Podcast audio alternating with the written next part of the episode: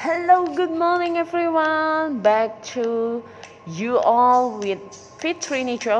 Yes, thank you for all podcast listener to my podcast channel Fit Trini. So today we learn about or talk about enjoy the process.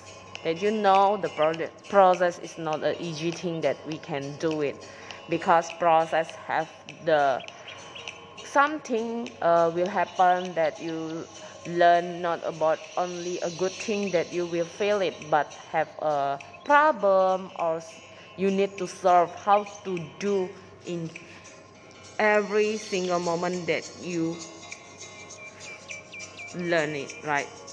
So enjoy the process. For me is something not to be complain about the process but how you learn you enjoy the process you learn every moment that happen in your life. Example right uh, when you want to become a great person when to become a success person or, or a success businessman you need to learn how become a great uh, businessman right? How you need to learn how to become a great uh, person that become a great speaker person that you will become uh, that means right you need to learn how the process how the way how the method you can do it to make your enjoy the process.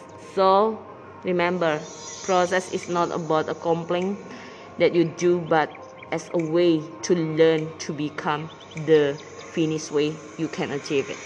Good morning and have a nice day